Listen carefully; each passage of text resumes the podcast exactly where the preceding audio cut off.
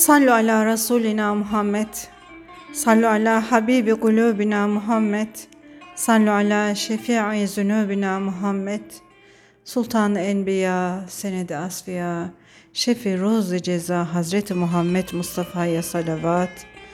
Resulü Sekaleyn, Ceddül Haseneyn, Şefiud Dareyn, Hazreti Mahmud Mukteda'ya salavat. Subhaneke la ilme lena illa ma allamtena inneke entel alimul hakim.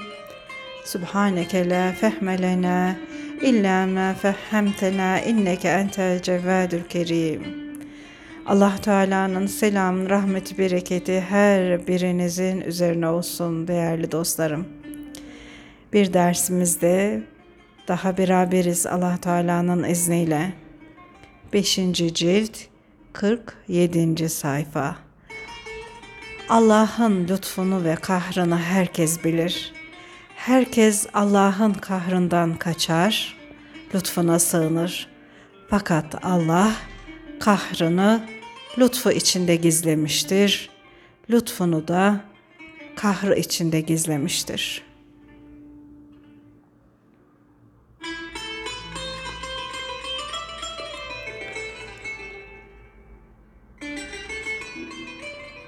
Bir derviş başka bir dervişe Cenab-ı Hakk'ı nasıl gördün söyle dedi.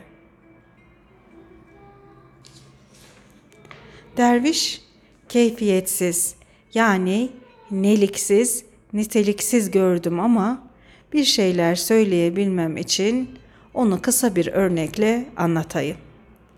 Onu şöyle gördüm. Sol tarafında bir ateş vardı, sağ tarafında ise bir Kevser ırmağı. Sol tarafında dünyayı yakıp yandıracak büyük bir ateş, sağ tarafında ise güzel bir ırmak vardı.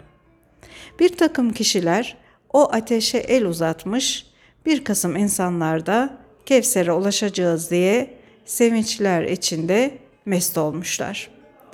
Fakat bu hal her kötü kişi ile her iyi kişiyi şaşırtacak pek aykırı, pek acayip bir oyundu. Kıvılcımlara ateşe doğru giden kişi suyun ortasından başını çıkarıyordu. Suya doğru giden de hemen kendini ateş içinde buluyordu. Kim sağ tarafa ve tatlı suya gidiyorsa sol taraftaki ateş içinden baş gösteriyordu. Fakat ateşler içinde sol tarafa gidense sağ taraftan baş gösteriyordu. Bu halin, bu görünüşün sırrını pek az kişi anlıyor.'' Bu yüzden de o ateşe pek az kişi atlıyordu. Ancak şanlı olan başına devlet kuşu konan kişi suyu bırakıyor, kendini ateşe atıyordu. Halk eldeki hazır zevke sevmiş, ona gönül vermiş, bu aykırı görüntülere, bu oyuna akıl erdirememiş, bu yüzden aldanıp gitmiştir. Hırslarına uyup aldanmış olanlardan pek çoğu saf saf, bölük bölük hızla ateşten kaçıp suya doğru koşmadalar. Sonunda da ateşten baş çıkarmadalar. Ey hiçbir şeyden haber olmayan kişi! Bu hallerden, bu görünüşlerden ibret al. Ateş hal dili ile ey akılsız ahmaklar diye bağırır. Ben sandığınız gibi ateş değilim. Tatlı suları olan makbul bir kaynağım. Ey gözsüzler! Sizin gözlerinizi bağlamışlar. Bana gelin, kıvılcımlardan kaçmayın. Sen de Halil gibi aklı başında bir er isen, bil ki ateş sana sudur. Sen de o ateşin pervanesi. Pervanenin ruhu seslenir de der ki, keşke yüz binlerce kanadım olsaydı da. Bu aşk sırrını anlamayanların, bilmeyenlerin, gözlerinin, gönüllerinin körlüğüne rağmen amansız halde bu aşk ateşinde yanıp kavrulsaydı. Bilgisiz kişi eşeklikten ötürü bana acır. Bense Allah'ın inayeti ile hakikati gördüğüm için ona acırım. Hele şu bahsettiğim aşk ateşi bütün tatlı suların ruhudur. Fakat bilgisiz pervanenin işi bizim ışığımızın aksinedir. Çünkü pervane ateşi nur görür. Ona atılıp yanar. Arifler ise ateşi nar olarak görür ve ona atılıp yanmakla nura ulaşır. Evet, pervane ateşi nur olarak görür, ona atılıp yanar. Gönül de ateşi nar olarak görür, ona atılarak nuru bulur. Kim Halil'in suyundan gelmiştir, onun meşrebindedir. Bunu göresin, anlayasın diye Cenab-ı Hakk'ın böyle oyunları vardır. Ben Firavun değilim ki Nil suyuna yani dünya hazlarına, dünya nimetlerine doğru gideyim. Ben Halil İbrahim meşrep olduğum için ateşe gidiyorum. O ateş değildir, duru saf bir sudur. Öbürü yani dünya zevkleri ise hile ile su şeklinde gösterilmiş ateştir. Ey iyi işleri, iyi hareketleri caiz gören, uygun bulan sevgili Peygamber Efendimiz ne güzel söylemiş. Aklının bir zerresi senin için namaz ve oruçtan hayırlıdır. Senin aynana cila olsun ve onunla edeceğin ibadetler dolayısıyla kalbe safa gelsin diye sana akıl verilmiştir. Fakat ayna kökünden bozulmuşsa cila tutmaz. Tutsa bile pek zor olur. Uzun zamanda cilalanabilir.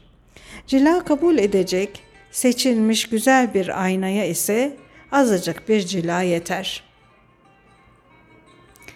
Mutezile cüzi akıllar asılda birdir. Bu çokluk birbirinden farklı olur, öğrenmek ve tecrübe etmekle yani denemekle elde edilir derler. Halbuki onların görüşlerinin aksine akılların birbirinden farklı oluşu yaratılıştandır. İyi bil ki akıllardaki bu ayrılık mertebe ve derece bakımından yerden göğe kadardır. Akıl vardır, güneş kadar parlaktır. Akıl vardır, Zühre yıldızından da aşağıdadır, yıldız akmasından da. Akıl vardır, sarhoş kandili gibidir. Akıl vardır, ateşe benzer, parıl parıl parlayan bir yıldız gibidir.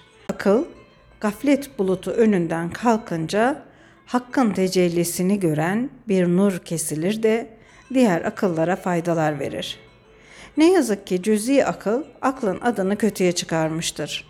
Dünyaya karşı beslenen şiddetli arzu insanı ahiret muradından mahrum bırakır. O yani tam akıllı olan kişi kendisi av olduğu için avcının güzelliğini görmüştür. Cüzi akıl sahibi ise avcılığa kalkıştığı için av yakalamak derdine düşmüştür. O yani aklı kül sahibi kulluk ede ede kendisine kulluk ediliş derecesine yükselmiş, niyaz ehli iken naz ehli olmuştur. Öbürü ise kendisine kulluk edildiği için şımarmış, üstünlüğünden ters yüz geri gitmiştir. Başlığımız değerli dostlar, hile ile harekete kalkışma. Allah hileciyi muvaffak etmez. Hayal ve hile ile harekete kalkışma. Çünkü gani olan Allah hileciyi muvaffak etmez. Eğer hile yapacak olursan iyi bir hizmet yolunda, hayırlı bir yolda yolunu şaşırmışlara yardım hususunda hilede bulun da ümmet içindeki peygambere benze. Hileden kurtulmak için hileye başvur.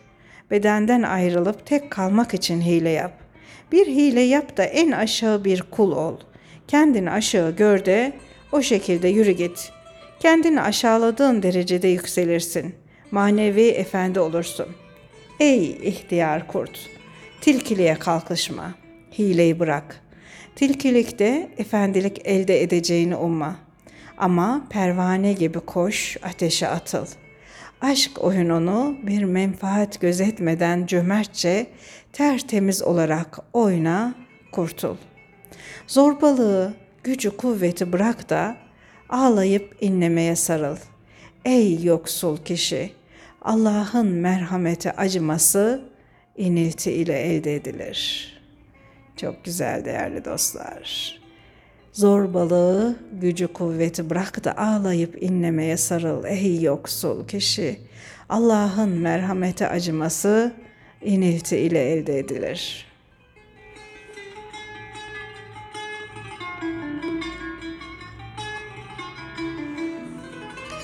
Hazreti Mevlana bir rubayesinde şöyle buyuruyor değerli dostlar. İnle ki senin bu iniltilerini işiten bir komşu vardır. Bu komşu sana şah damarından yakın olan birisidir. Ağla ki çocuğun ağlaması dadısının merhametini uyandırır. Her ne kadar ruh çocuğunu terbiye eden büyük terbiyeci seni sevdiği için istediklerini yerine getirse de sen yine inle ağla.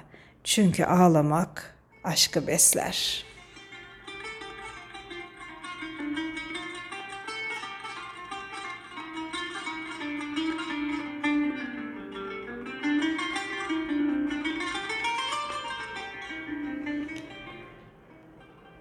Zorda kalmış, içi yanmış susuzun ağlayıp inleyişi samimidir, candandır.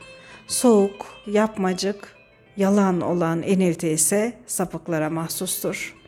Yusuf'un kardeşlerinin ağlayışları hileydi. Çünkü onların içleri hasetle, illetle doluydu. Değerli dostlar, Köpeği açlıktan ölen ve dağarcığı ekmekle dolu olduğu halde köpeğine bir lokma bile vermeyen, sonra da köpeği ölünce ona ağlayan, şiirler söyleyen, başına yüzüne vuran bedevinin hikayesi ile devam ediyoruz şimdi.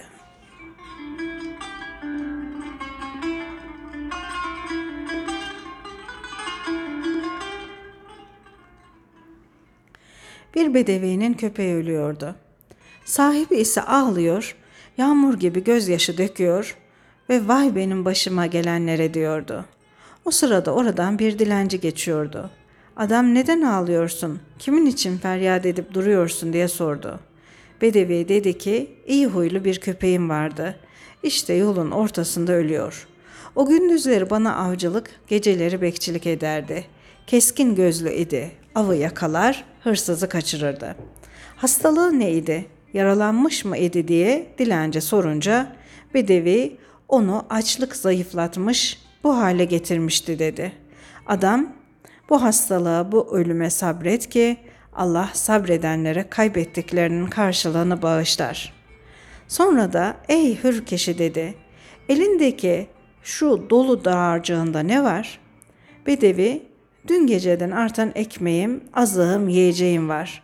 Bu dağarcığı bedenimi güçlendirmek için taşıyorum dedi. Adam, köpeğin için ekmek ve yiyecek vermiyorsun dedi. Bedevi, benim o kadar da merhametim yok. Yolda parasız ekmek ele geçmez ama iki gözden akan yaş bedavadır dedi.''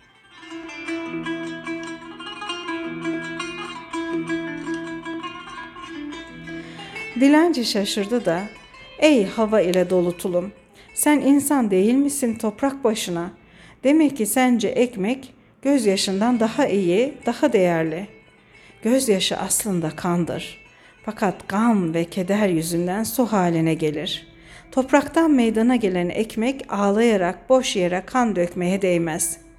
O bedevi şeytan gibi bütün varlığını hor ve hakir hale getirmişti.'' Bu bütünün cüzü de ancak aşağılık ve bayağılık bir şeydir. Değerli dostlar yani bir bütünün hepsi ne ise parçası cüzü de öyle olur. Yani bir küllün bütünün parçaları yüce ise eğer yücedir. Bayağı bir bütün ise süfli bir bütün ise onun parçaları da bayağı olur. Bedevinin bedevi bedeni kendisine göre bir bütündür, küldür. Oradan çıkan gözyaşları da onun cüzüdür, parçasıdır. Bu yüzden onun döktüğü gözyaşları değerli değildir. Tıpkı kendisi gibi süflidir. Devam edelim efendim. Ben varlığını o lütuf sahibi, o cömert Allah'tan başkasına satmayan kişiye kulum köleyim.'' Burada Tevbe suresinin 111. ayet-i kerimesine işaret edilmekte değerli dostlar. Allah bazı kullarına mecazi olarak müşteri çıkar, onlardan hayatlarını ve mallarını satın alır. İşte insan kendini satacaksa Allah gibi bir müşteriye satmalı ki yaptığı alışverişte hayır görsün. Yoksa ona buna yaltaklanarak bana faydası dokunsun vehmine düşmek, insanlık haysiyetine ve şerefine indirilmiş bir darbedir. Tevbe suresinin bahsedilen ayetinin meali şöyle.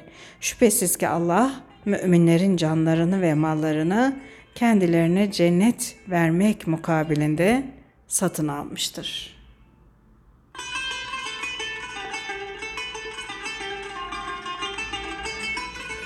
Evet, dilenci diyor değerli dostlar.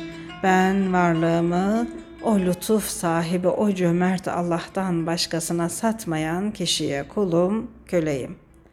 Böyle bir arif ağlarsa, gökyüzü de onunla beraber ağlar feryat ederse de, gökyüzü de aman ya Rabbi diye feryat eder. Dua ederken kırık bir gönülle Allah'a el aç. Allah'ın lütuf ve ihsanı kırık gönle doğru uçar gelir. Kardeşim, bu daracık kuyudan, bu aşağılık dünyadan kurtulmak istiyorsan yürü. Durmadan, dinlenmeden aşk ateşine doğru git.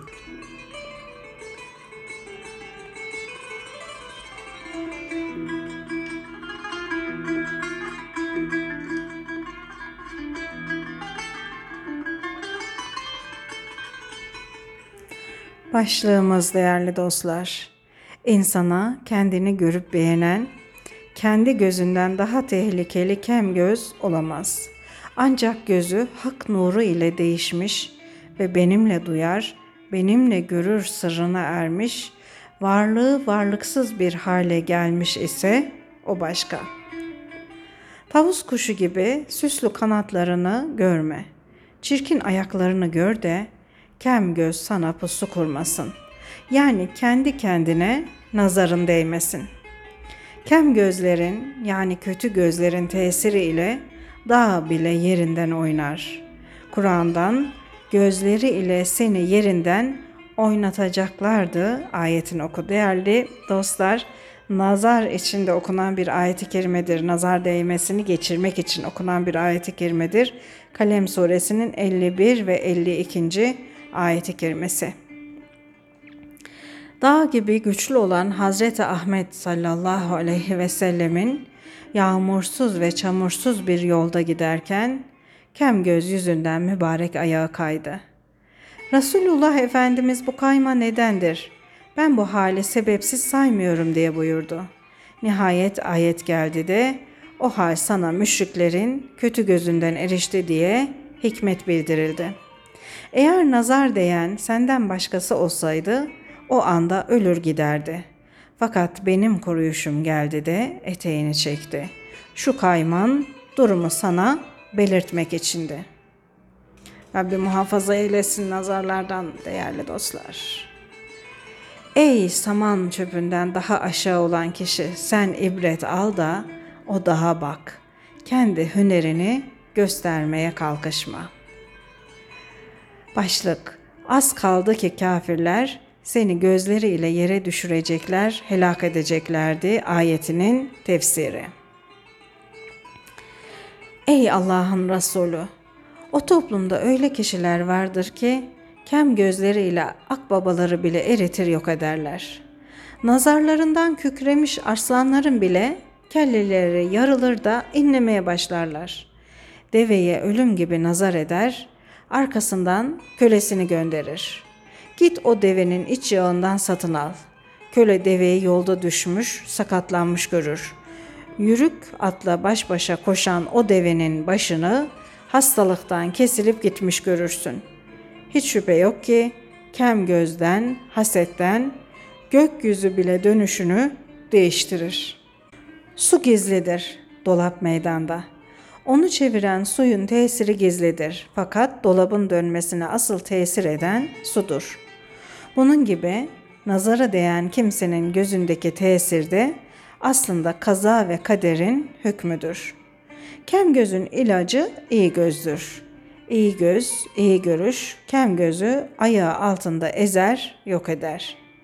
İyi göz, iyi görüş Allah'ın rahmetinin kahrından daha üstün oluşundandır rahmettendir. Kem göz ise kahırdan, lanetten ileri gelir. Yani iyi görüş Hakk'ın rahmetinden olduğu için kem göze galip olur. Bir kutsi hadiste rahmetim gazabımı geçmiştir diye buyurulmuştur. Allah'ın rahmeti kahrından üstündür. Bu yüzdendir ki her peygamber zıttı bulunan düşmanlarına üstün gelmiştir. Çünkü o rahmetin sonucudur. Zıttı olan çirkin suratla ise kahrın sonucudur. Kazın hırsı bir kattır. Kibir ve gururun ise tam elli kat. Şehvet hırsı yılandır. Mevki hırsı ise ejderha. Kazın hırsı boğaza, şehvete, aşağı tarafa düşkünlüktür. Fakat yüksek mevkilerde bulunma hırsında bu aşağı duyguların tam 20 misli toplanmıştır. Nasıl hayatı öğretiyor değerli dostlar görüyor musunuz? Yüksek mevkilerde bulunma hırsı bir insanın boğazına, şehvete düşkünlüğünün 20 katıymış. Mevki sahibi Firavun gibi Allah'lıktan dem vurur. Allah ile ortaklık üze ümidine düşen nasıl olur da bağışlanır? Adem'in ehemmiyetsiz bir kusuru karnına ve şehvetine düşkünlüktendi. İblisin suçu ise kendini üstün görmektendi. Bundan dolayı Hazreti Adem hemen istiğfar etti. Lanetlenmiş şeytan ise gurura kapılması yüzünden tevbe etmeye tenezzül bile etmedi. Boğazla şehvete düşkünlük de elbette kötüdür ama bu mevki hırsı gibi değildir. Eğer bu mevki hırsının kökünü, dallarını söylemeye girişirsem bir başka defter bulmak gerek. Şeytanlık lügatta baş çekmektir. Baş olma hırsı manasına gelir ki bu sıfat lanetlenmiştir. Sofranın etrafına yüz kişi oturur yemek yer de başkan olmak isteyen iki kişi dünyaya sığmaz. Birisi öbürünün yeryüzünde kalmasını istemez. Padişah padişahlığına ortak olur diye babasını bile öldürür. Şu sözü duymuşsunuzdur. Padişahlık kısırdır demişlerdir. Padişahlık arayan korkusundan hısım ve akrabalarını bile keser atar. Çünkü padişahlık kısırdır. Onun çocuğu, hısım ve akrabası yoktur. Hatta o ateş gibidir. Neye dokunsa yakar. Padişah ateş gibidir. Neyi bulur kime çatarsa onu yakar, parçalar. Hiç kimseyi bulamazsa kendi kendini yer. Sen de hiç ol onun dişinden kurtul. Onun demirci örsüne benzeyen gönlünden az merhamet um. Ama hiç olunca örsten korkma. Her sabah vaktinde mutlak yokluktan ders al.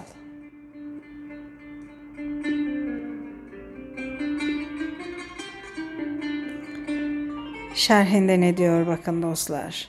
Fakr ve fena mertebesinde bulunan ne bir şeye malik ne de kimseye kul köle olur.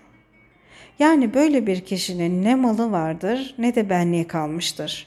Malı olsa bile o malın gönlünde yeri ve gözünde değeri yoktur. İşte bu fakr, yokluk halinden her sabah ders alır ve aldığın dersi tatbik edersen kimseden korkun olmaz. İflas etmiş olsan Allah'ın emanetindedir. Tam bir emniyet içindedir diye bir söz vardır. Böyle bir kimsenin çalınacak, alınacak bir şey yoktur ki artık hırsızdan ve zalimden korkusu bulunsun. Vaktiyle bir derviş bir kervana katılmış yaya olarak gidiyormuş. Bir boğazda karşılarına çıkan haydutlar kervanı durdurmuş, yolcuları soymaya başlamışlar. Sıra dervişe gelince alınacak bir şey olmadığını gören haydut defol diye onu kovmuş. O da bir ağaç altına oturmuş, çubuğunu çekiştirmeye başlamış. Soylanlardan birisi dervişin bu haline kızmış. Sen ne duygusuz bir adammışsın.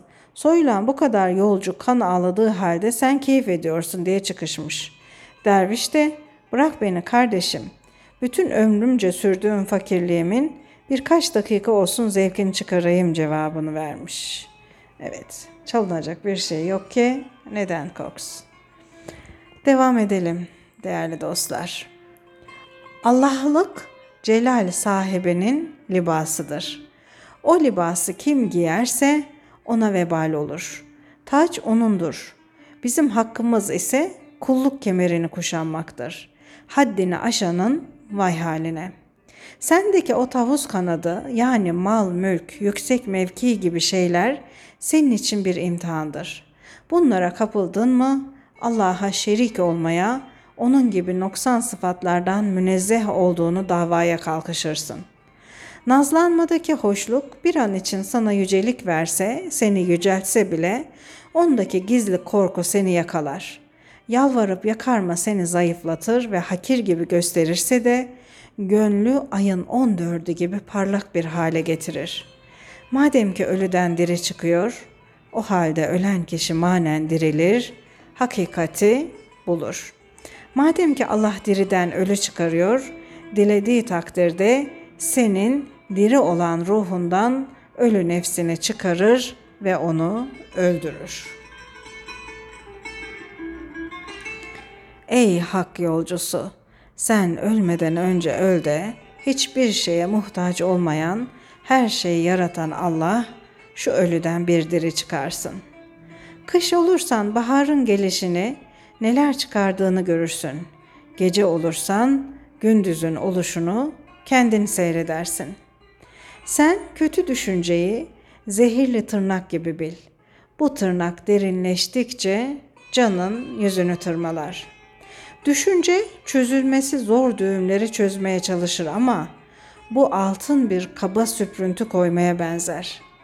Yani akıl gibi çok kıymetli ilahi bir armağanı dine, imana aykırı düşüncelerle meşgul etmeye benzer. Çok önemli bir yer gene de değerli dostlar. Biliyorsunuz ki düşüncelerimize mukayyet olamıyoruz. Çoğu zaman bizi üzecek olan şeylere kayıp gittiğini görüveriyoruz düşüncelerimizin ve bunu önleyemiyoruz.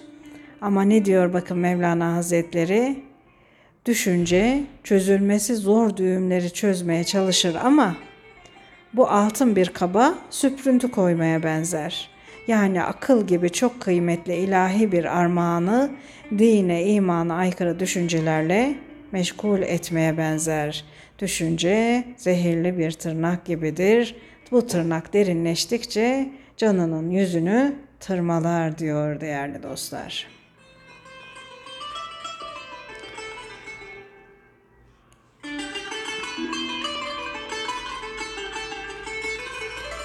Ey işin sonuna varan kişi, sen o düğümü çözülmüş say.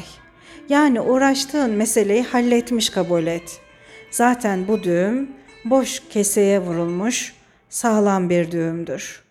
Düğümleri çözmekte, meseleleri halletmekte sen üstad pir olmuşsun. Birkaç düğüm daha çöz de hakkın takdirini kazan. Asıl çözülecek bir düğüm vardır ki boğazımıza tıkanıp kalmıştır. O düğüm de şudur. Sen çerçöp gibi adi bir mahluk musun yoksa iyi, talili, ezeli saadete mazhar olmuş birisi misin? Eğer insan isen bu zor düğümü çöz. İnsan nefesli isen nefesini buna harca. Sen kendini mana alemindeki varlıkları da bildin say, cisimlerle beliren varlıkları da bildin say. Bundan ne çıkar? Sen asıl kendi haddini bil. Çünkü bundan kaçıp kurtulmaya imkan yok. Of değerli dostlar. Ne kadar güzel. Sen ister mana alemindekileri de bil, ister cisim halindekileri bil. Ne çıkar diyor değerli dostlar ne çıkar sen kendi haddini bil. Kendinden kaçamazsın ki. Kendinden kaçıp kurtulamazsın ki. Esas kendi haddini bil. Ey toprak eleyen, yani dünyadaki şeyleri ilim kalburundan geçiren kişi. Sen kendi haddini bilirsen, hududu nihayeti olmayan bir aleme ulaşırsın.'' Ey toprak eleyen, değerli dostlar ne yapıyoruz? Topraktan geldik ve toprak elemekten başka bir şey mi yapıyoruz? Şu dünya ömrüne bir göz atın, bir bakın. Toprak eleyen, yani dünyadaki şeyleri ilim kalburundan geçirmeye çalışan kişi sen kendi haddini bilirsen hududu nihayeti olmayan bir aleme ulaşırsın. Ömrün mahmul yani nahivdeki müpteda, özne ve mevdu yani haber, tümleç derdi ile geçti. Yani cümlelerle, haber cümleleri var. Müpteda haber denir Arapçada değerli dostlar. Ömrüm böyle cümlelerle, düşüncelerle geçti. Gönül gözün açılmadı. Hayatın duyduğun ve işittiğin şeylerle geçip gitti. Sonucu olmayan, bir iz bırakmayan her delil boştur. Sen kendi sonucuna bak. Sen yapanı ancak şeylerle gördün. İktiranı kıyasla kanaat ettin. Değerli dostlar, eski mantıkçıların bir deyimi, bir kıyasta neticenin aynı yahut zıttı aranmazsa o kıyasa iktirani kıyas denir. Mesela cisim mürekkeptir yani birçok şeyden meydana gelmiştir.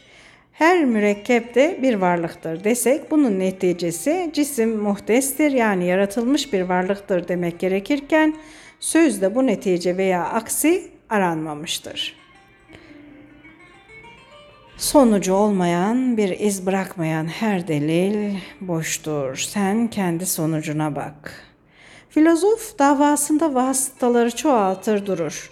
Halbuki hakkın kalbi temiz kulu onun aksine vasıtalara, delillere bakmaz bile.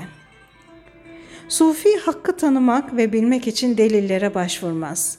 Delillerin, vasıtaların hak ile kul arasında bir perde olduğunu bilir. Bu sebeple delillerden de, perdeden de kaçar, delillerle bildirilenin peşine düşer ve başını, yakasını içine çeker.''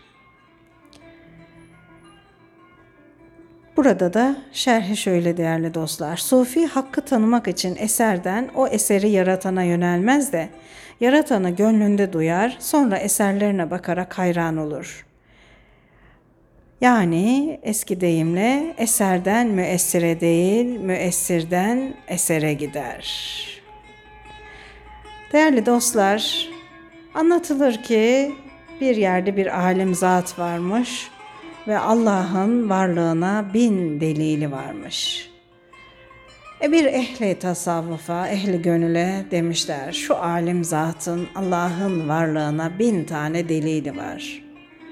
Demiş ki demek ki bin tane şüphesi varmış. Onun için inanç her zaman delillere dayanarak olan bir şey değildir. İnanç, deliyle ihtiyaç duymamaktır değerli dostlar. Devam ediyor Mevlana Hazretleri. Filozofa göre duman ateşin varlığına bir delildir. Ama bizim için dumanı görmeden o ateşe atılmak daha da hoştur. Hele hakka yakınlıktan ve sevgiden meydana gelen bu ateş bize dumandan daha yakındır. Demek ki canı aldatan hayallere kapılıp dumana doğru gitmek, bu yüzden candan olmak pek kötü bir şeydir, pek bahtsızlıktır. Yani bize şah damarımızdan daha yakın olan cananı bırakıp bir takım hayallere kapılıp gitmek bahtsızlıktır. Allah sabrediniz diye buyurdu. Allah sabrediniz diye buyurdu. Bir istek olmalı ki ondan yüz çeviresiniz. Ey hak yolcusu! Sen de sabretmek zahmetine düşmedikçe, zahmete katlanmadıkça karşılığında bir hayır ve mükafat elde edemezsin. Ne hoştur o şart, ne güzeldir. O gönüller açan, canlara can katan karşılık değerli dostlar. Ne güzeldir, ne güzeldir o canlar açan, cana canlar katan karşılık. Evet değerli dostlar burada sohbeti bitirelim. Haftaya inşallah kaldığımız yerden devam etmeye Allah Teala nasip eylesin. Rabbim bizi hep hoşluklarla, güzelliklerle onun yolunda olabilmeyi nasip eylesin. Onun sevgisine, aşkına bizleri layık eylesin inşallah. Yolundan ayırmasın. Amin, amin, amin. Hürmetil Fatiha.